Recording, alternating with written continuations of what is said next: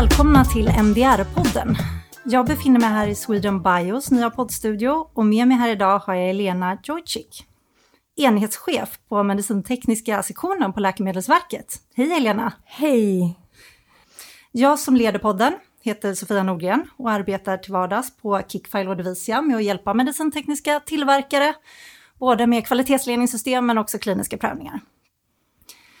De flesta har ju uppmärksammat att vi har ökade krav i och med MDR och att många av de här kraven faktiskt ställs på tillverkare. Men det är ju så att det är många andra som påverkas, i princip alla aktörer inom branschen. Och inte minst de anmälda organen, men också myndigheter som Läkemedelsverket då. Och utöver de här kraven vi har i MDR så är det ju faktiskt så att det lämnas utrymme för nationella regelverk.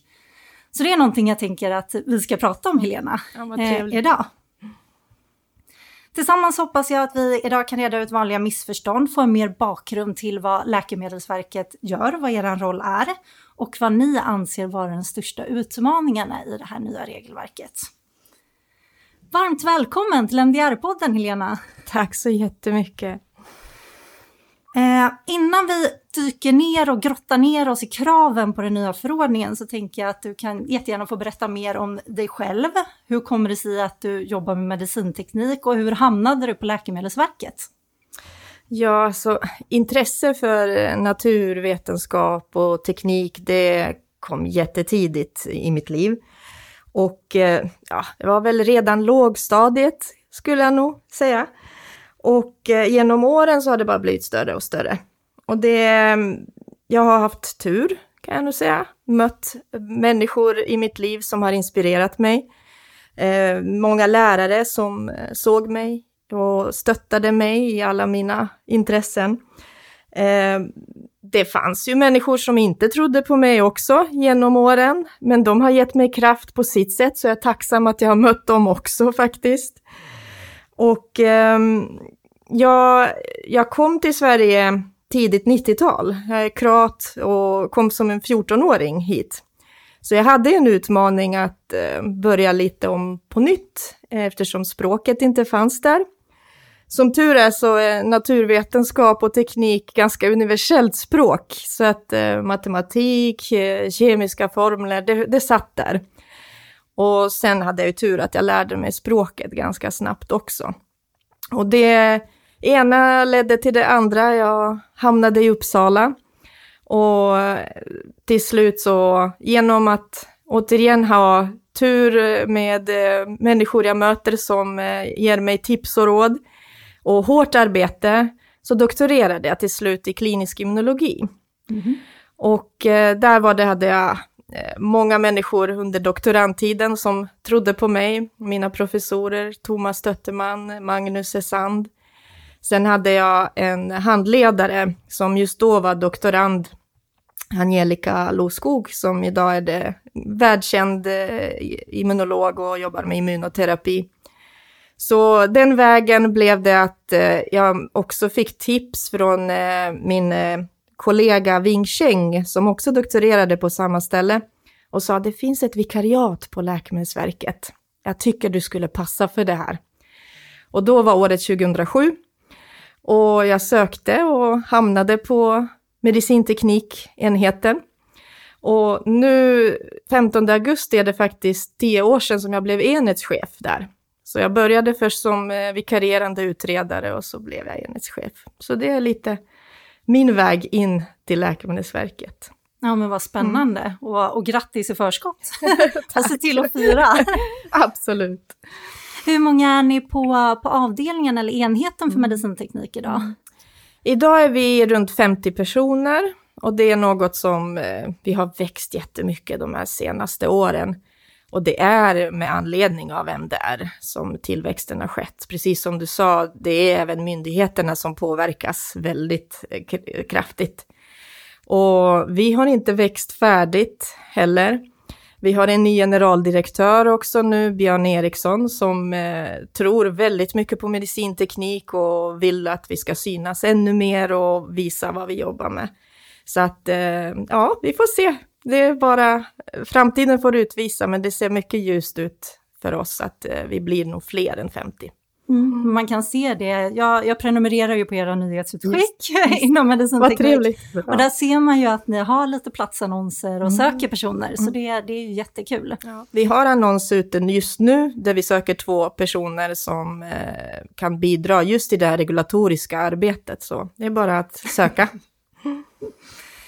Vad skulle du säga är, är de största ändringarna som ni som myndighet har behövt implementera då på grund av MDR, mer än att ni, ni måste bli fler? Mm. Ja, men den första ändringen som var det största, eh, det var att vi fick eh, uppdraget att vara ansvarig myndighet för anmälda organ. För det har vi inte varit hittills. Och eh, det blev eh, en rivstart Eh, att bygga upp den verksamheten, bygga upp kompetensen, samtidigt som vi ganska snabbt fick ansökan att vi, som vi skulle behandla.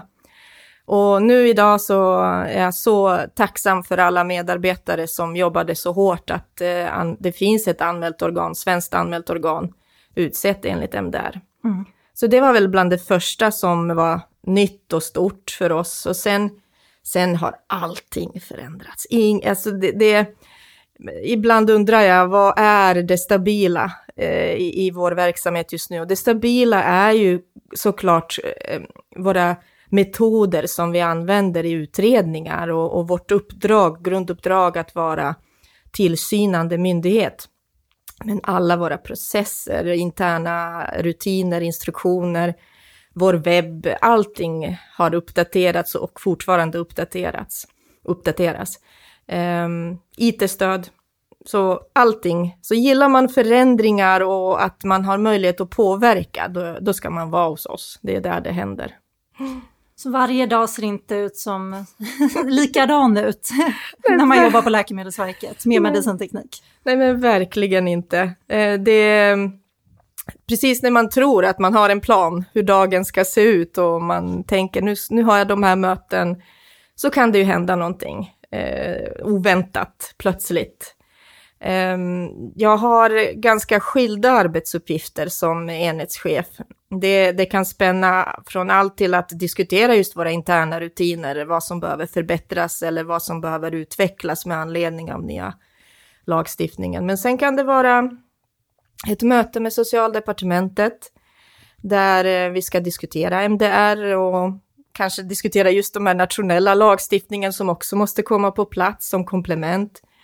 Nästa stund kan det vara att sitta med EU-kollegorna och också diskutera strategiska frågor kring eh, processen, hur det går. Går det framåt eller var är vi någonstans i, i framtagning av eh, eh lagstiftning? Så det är väldigt skilda frågor. Eh, och sen kan det mitt i allt det som, vi, som det händer nu, till exempel i början av mars, då kan det inträffa incidenter. Eh, vi fick veta till exempel om eh, en steril anläggning som ehm, ehm, var bedrägliga och det drabbade jättemånga tillverkare.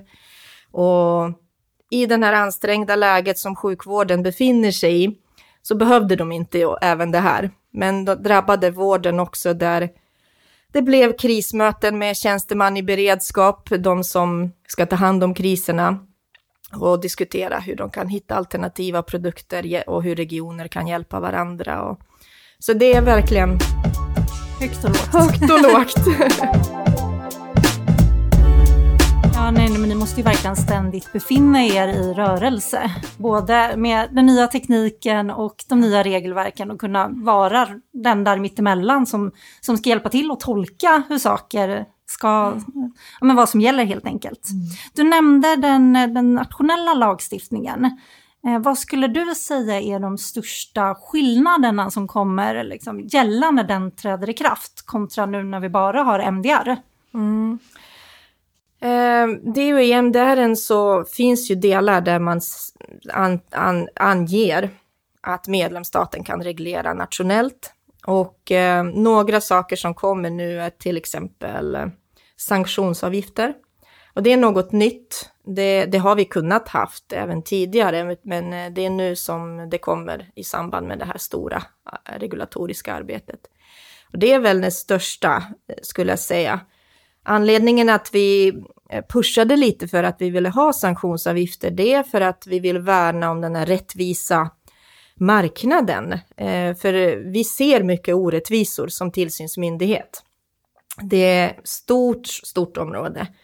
Och eh, vi är ju runt 50 personer, vi har lite olika roller, vem som gör vad, men eh, det, det finns ingen exakt siffra hur många produkter det finns på marknaden. Mm. Det finns några antaganden, runt 800 000 mm. och så. Eh, vi kan inte granska alla dem och tillsyna, utan vi har ju våra metoder hur vi väljer ut. Och det kan ju kännas orättvist när någon konkurrent säger men den och den gör ju så, och jag som gör rätt, vad får jag för det? Och det är något som med sanktionsavgifter kanske kan lösas för att de som inte vill göra rätt för sig, de kommer undan på så sätt att när vi väl gör granskning av dem, då blir det, ah, okej, okay, vi rättar oss. Och så fortsätter man. Och då blir det ingen incitament att man ska göra rätt från början. Mm. Så det tycker jag blir nog den största. Sen finns det massa andra delar där som eh, vi reglerar nationellt som eh, språkkravet, som eh, krav på registrering eh, av olika ekonomiska mm. aktörer, även avgifter, eh, anmälan om kliniska prövningar. Det finns en hel rad. Mm. Så det är viktigt att hålla koll på det här när, när de då träder i kraft, precis, den svenska precis. lagstiftningen, så att man precis. inte, nu när vi ändå har en period då vi har MDR som gäller utan mm. svensk mm. lagstiftning mm. och sen den svenska mm. lagstiftningen som kompletterar MDR. När i tid tror du att vi kommer ha den? Har du någon uppdaterad information att dela med dig av eller är det 15 juli som, som fortfarande är det preliminära datumet. Mm. Ja men det stämmer, du, du har rätt information, du är uppdaterad, det är jättebra. Eh, 15 juli är det det som gäller. Eh, sen finns det ju ytterligare lagstiftning som måste tas fram för att den här lagstiftningen som kommer 15 juli pekar ju ut myndigheter, vem eh, som får vilket uppdrag, eh, att man har rätt att eh, reglera nationellt. Så det blir en del föreskrifter som Läkemedelsverket också ska ta fram.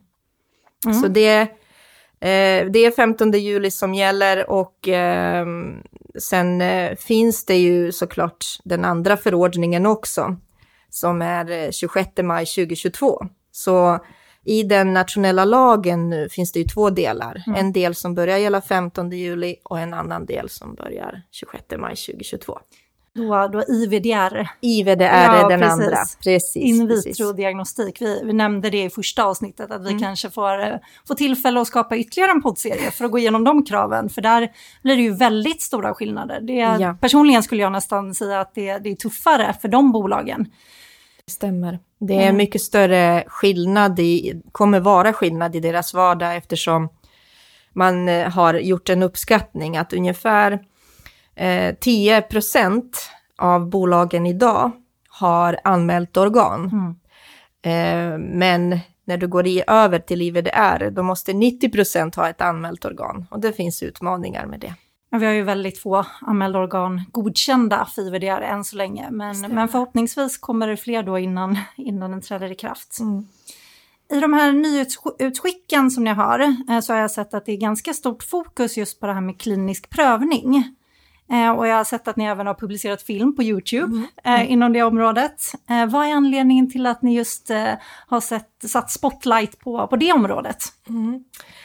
Ja, det är ju MDR inför ju nya krav just på den här kliniska biten som är mycket tuffare. Och det är ju en dyr process för bolagen att ta fram klinisk data. Så det är inget man gör lättsamt och bestämmer sig, eh, utan mycket analyser och mycket pengar. Och för därför är det viktigt för oss att man får så mycket stöd som möjligt i tidig fas. Och vi har också väldigt engagerade medarbetare som jobbar med just de här frågorna, kliniska prövningar, klinisk utvärdering, som också är bidragande såklart att eh, det blev ganska mycket fokus på kliniska prövningar. Så det känns självklart. Eh, ett annat område, eller ett område vi har sett väldigt stor utveckling senaste tiden och som också påkallade lite att regelverket var tvunget att uppdateras är just det med mjukvaror, medicintekniska mjukvaror. Och jag vet själv att många tillverkare kan, kan ha svårt att navigera i regelverket för den typen av produkter, inte minst när det gäller då de här kliniska aspekterna som du nämnde med klinisk utvärdering och klinisk prövning. Och det kan ju kopplas lite till att eh, ofta har mjukvara kanske inte en direkt koppling till en patient på samma sätt, så det är svårare att, att veta var den produkten passar in i regelverket. Eh, är det här någonting som ni på Läkemedelsverket har, har märkt av? Ja, vi märkte av det till och med innan MDR kom. Eh, för det kom ju förtydliganden i vad som omfattas av medicintekniska lagstiftningen. Och då um, har vi eh, skrivit nationella vägledningar också som ska stötta den här delen av industrin. Ehm, tillverkare av mjukvaror har ju funnits länge. Det, det är inget nytt område i sig, men att jobba inom hälsobranschen, det, är, det blev lite nytt att behöva förhålla sig till ytterligare regelverk. Sen är ju medicinteknikområdet är ju brett. Det är inte mer än konstigt att tänka sig att samma lagstiftning ska gälla för vanligt plåster som för eh, datortomograf mm. eller eh, något implantat. Det är samma lagtext. Men det gäller att hitta vad är det som gäller för just min produkt? Och det är lite där vi som myndigheter kan ha en roll, att peka riktning och säga men de här avsnitten är jätteviktiga, de här gäller just det området. Men vi får inte gå in och, och vara för mycket konsulter, för det är förbjudet för oss myndigheter. Så um, där, nu när vi gått över till MDR så har vi jobbat istället med nationell eh, vägledning så jobbar vi tillsammans med EU-kollegorna och tar fram vägledande dokument. Vi vill ju att det ska vara en harmonisering, mm. för det är det som är vinsten nu med MDR, att den ska gälla direkt. Mm. Behöver inte implementeras, så det blir mindre risk för olika implementering och tolkning. Och då är det viktigt att även vägledningar görs harmoniserat. Mm. Så att det är ett område vi måste jobba vidare med, för det exploderar med artificiell intelligens och ja, den typ av utveckling. Verkligen, mm. och det är ju många av de produkterna som också blir uppklassificerade nu under MDR, så att där, där kommer vi ju se många som behöver ett anmält organ som kanske inte tidigare behövt det. Och Eh, det kommer bli en stor, stor skillnad för de tillverkarna.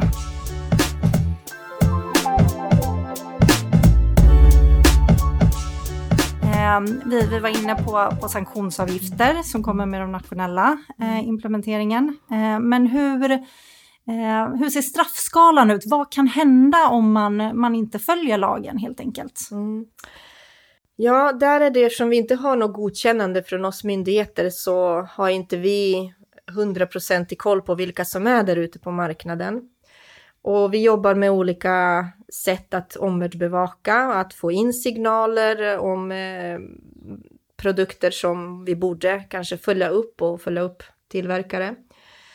Eh, när vi väl väljer ut ett bolag, eh, då har vi kontakt med dem och initierar med ett brev där vi säger anledningen till varför vi kontaktar dem. Det som kan då hända, det är ju två olika vägar. Det ena är att vi möter ett bolag som är absolut tillmötesgående och lyssnar på våra frågor och bemöter dem snabbt och har svar på tal. Mm. Och även om det är någonting som brister så kan de ju visa på dokumentation att nej men vi har ju tänkt så här mm. och mm. försökt göra försökt rätt men kanske inte göra rätt. Förstått. Ja. Mm. Eh, och förklarar, men det är inte tydligt och vi lär oss också i ett sådant samtal. Sen finns det ju också att vi stöter på bolag som eh, mm, antingen eh, är helt nya inom branschen, det hände ganska mycket nu under pandemin. Mm. De har aldrig jobbat inom det här området och trodde att men det är väl inte så svårt, jag bara köper in från tre utlandet och ber dem trycka förpackningar i mitt namn, det här blir bra. Mm. Eh, när de insåg hur mycket jobb som är bakom så har vissa bara sagt nej men jag slutar. Eh, de försöker inte ens. Mm, så att de var på så sätt lätta att hantera. Eh, men sen finns ju de däremellan som eh, kan tycka men vi håller inte med. Och det har man rätt. Det har man all rätt. Det är det som är bra med lagstiftning. Det är inte vi som myndighet som har sista ordet. Mm. Utan man har rätt, om vi hamnar i sånt låst läge, att vi har helt skilda åsikter, då blir det ett formellt beslut som vi fattar från oss, från myndigheten. Fram tills det formella beslutet är det utbyte. Eh, vi har dialog. Det kan vara skriftligt, det kan vara muntligt eh, på olika sätt. Men hamnar vi i ett formellt beslut där vi säger nej, men du får inte sälja längre. Vi sätter förbud för de här produkterna. Eh, vi kan säga du får fortsatt sälja, men under förutsättning att du ändrar det här och det här och det här så ger vi kravlista. Och då kan de antingen följa det som vi skrivit eller överklaga till förvaltningsrätten. Mm. Och det händer. Eh, vi har haft några överklaganden genom åren. Eh, nu under pandemin så har det inte varit så många överklaganden då, för det var de flesta blev att de insåg att de hade gjort fel. De var inte medvetna om lagstiftningen. Men eh, annars kan man hamna där. Eh, det kan vara också förenat med vite. Eh, det innebär att om de bryter mot beslutet, att vi märker att de fortsatt säljer, då kan vi begära att vitet döms ut. Mm. Ehm, så det är de eh, verktygen vi har idag. Mm. Men man kan inte hamna i fängelse? Jo, man kan det. Ja. Man kan det. Vi har, vi har själva inte använt den paragrafen. Det är om eh, någon med uppsåt mm. har eh, be, betett sig bedrägligt. Eh, vi har ju ett fall, som jag sa, min vardag ser ju så olika ut, eh, vad det är för frågor som kan passera mitt bord. Och nu i mars så var det ju den här sterilanläggningen. Mm. Eh, det var ju bedrägligt beteende. Så där är italienska myndigheten och polisen involverade och, och granskar vem ska mm. hållas ansvarig. Vi hade den här PIP bröstimplantatskandalen som också blev att det drevs rättsligt på mm. så sätt att det blev fängelse. Mm. Eh, så vi har ju också den möjligheten i nationell svensk lagstiftning, eh, men vi har inte haft sådana fall i Sverige. Mm. Det är ju skönt att våra tillverkare i Sverige i alla fall försöker förstå ja. och följa lagstiftningen. Och ja. det är ju det vi, vi alla vill och ja. det är ju det som är syftet med MDR också. Att eh, få en lagstiftning som skyddar patienten och, och den innehåller ju mer information än vad vi hade tidigare under direktiven. Så förhoppningsvis så, så har man lite mer hjälp eh, i lagstiftningen. Avslutningsvis, eh, har du något tips till våra svenska medicintekniska bolag som försöker uppfylla MDR men som tycker att det är lite svårt att, att veta vad som gäller? Mm. Ja, det blev nu när, det var, när 26 maj närmade sig. Då fick vi all time high i antal frågor vi fick till Läkemedelsverket och det är glädjande att man vet att man kan vända sig till oss. Så det vill jag ju verkligen säga, fortsätt vända er till oss. För att när vi väl får en fråga, då vägleder vi. Vi svarar så långt vi kan. Och sen i vissa fall kanske vi säger, det verkar som att du skulle behöva ännu mer hjälp som vi inte kan ge. Och då finns det ju två vägar, antingen att om de har råd att anställa en regulatoriskt kunnig person så är det en, verkligen en investering. Mm. Och det finns ju också krav i regelverket på att man ska ha en Precis. person responsible Precis. for regulatory compliance. Så därför mm. kommer ju det tuffa kravet in. Eh, och det andra är ju om man har lite svårt att komma igång, att man eh, pratar med några konsulter och hör vad är det jag behöver så att man ska komma vidare. Så att ta hjälp och, och vänta inte, för att eh, även om det kan låta att det kostar pengar med det här regulatoriska kunnandet så vinner man i längden jättemycket. Man lär sig själv också om man jobbar tillsammans med de här personerna och kan lära sig vad man ska hålla koll på. Så det är verkligen, det kan jag starkt rekommendera. Jättebra. Och man kan ju lyssna på den här podden också. Absolut. Då kanske man kan få ja. några tips. Jag hoppas hur man ska leta sig ja. vidare. Ja, men jättebra, stort tack Lena för att du kom hit. Eh, det här var andra avsnittet av MDR-podden. Eh, det var jätteintressant att höra mer om Läkemedelsverkets roll med, i och med det nya regelverket och vilka utmaningar ni ser och har fått kämpa med själva men också ser för, för branschen i stort. Vi tackar för oss här eh, från Sweden Bios poddstudio. Med i MDR-podden idag var Helena Jojcic, enhetschef medicintekniska avdelningen på Läkemedelsverket. Själv heter jag Sofia Nordgren och producent och ljudtekniker var Sebastian Blomstrand.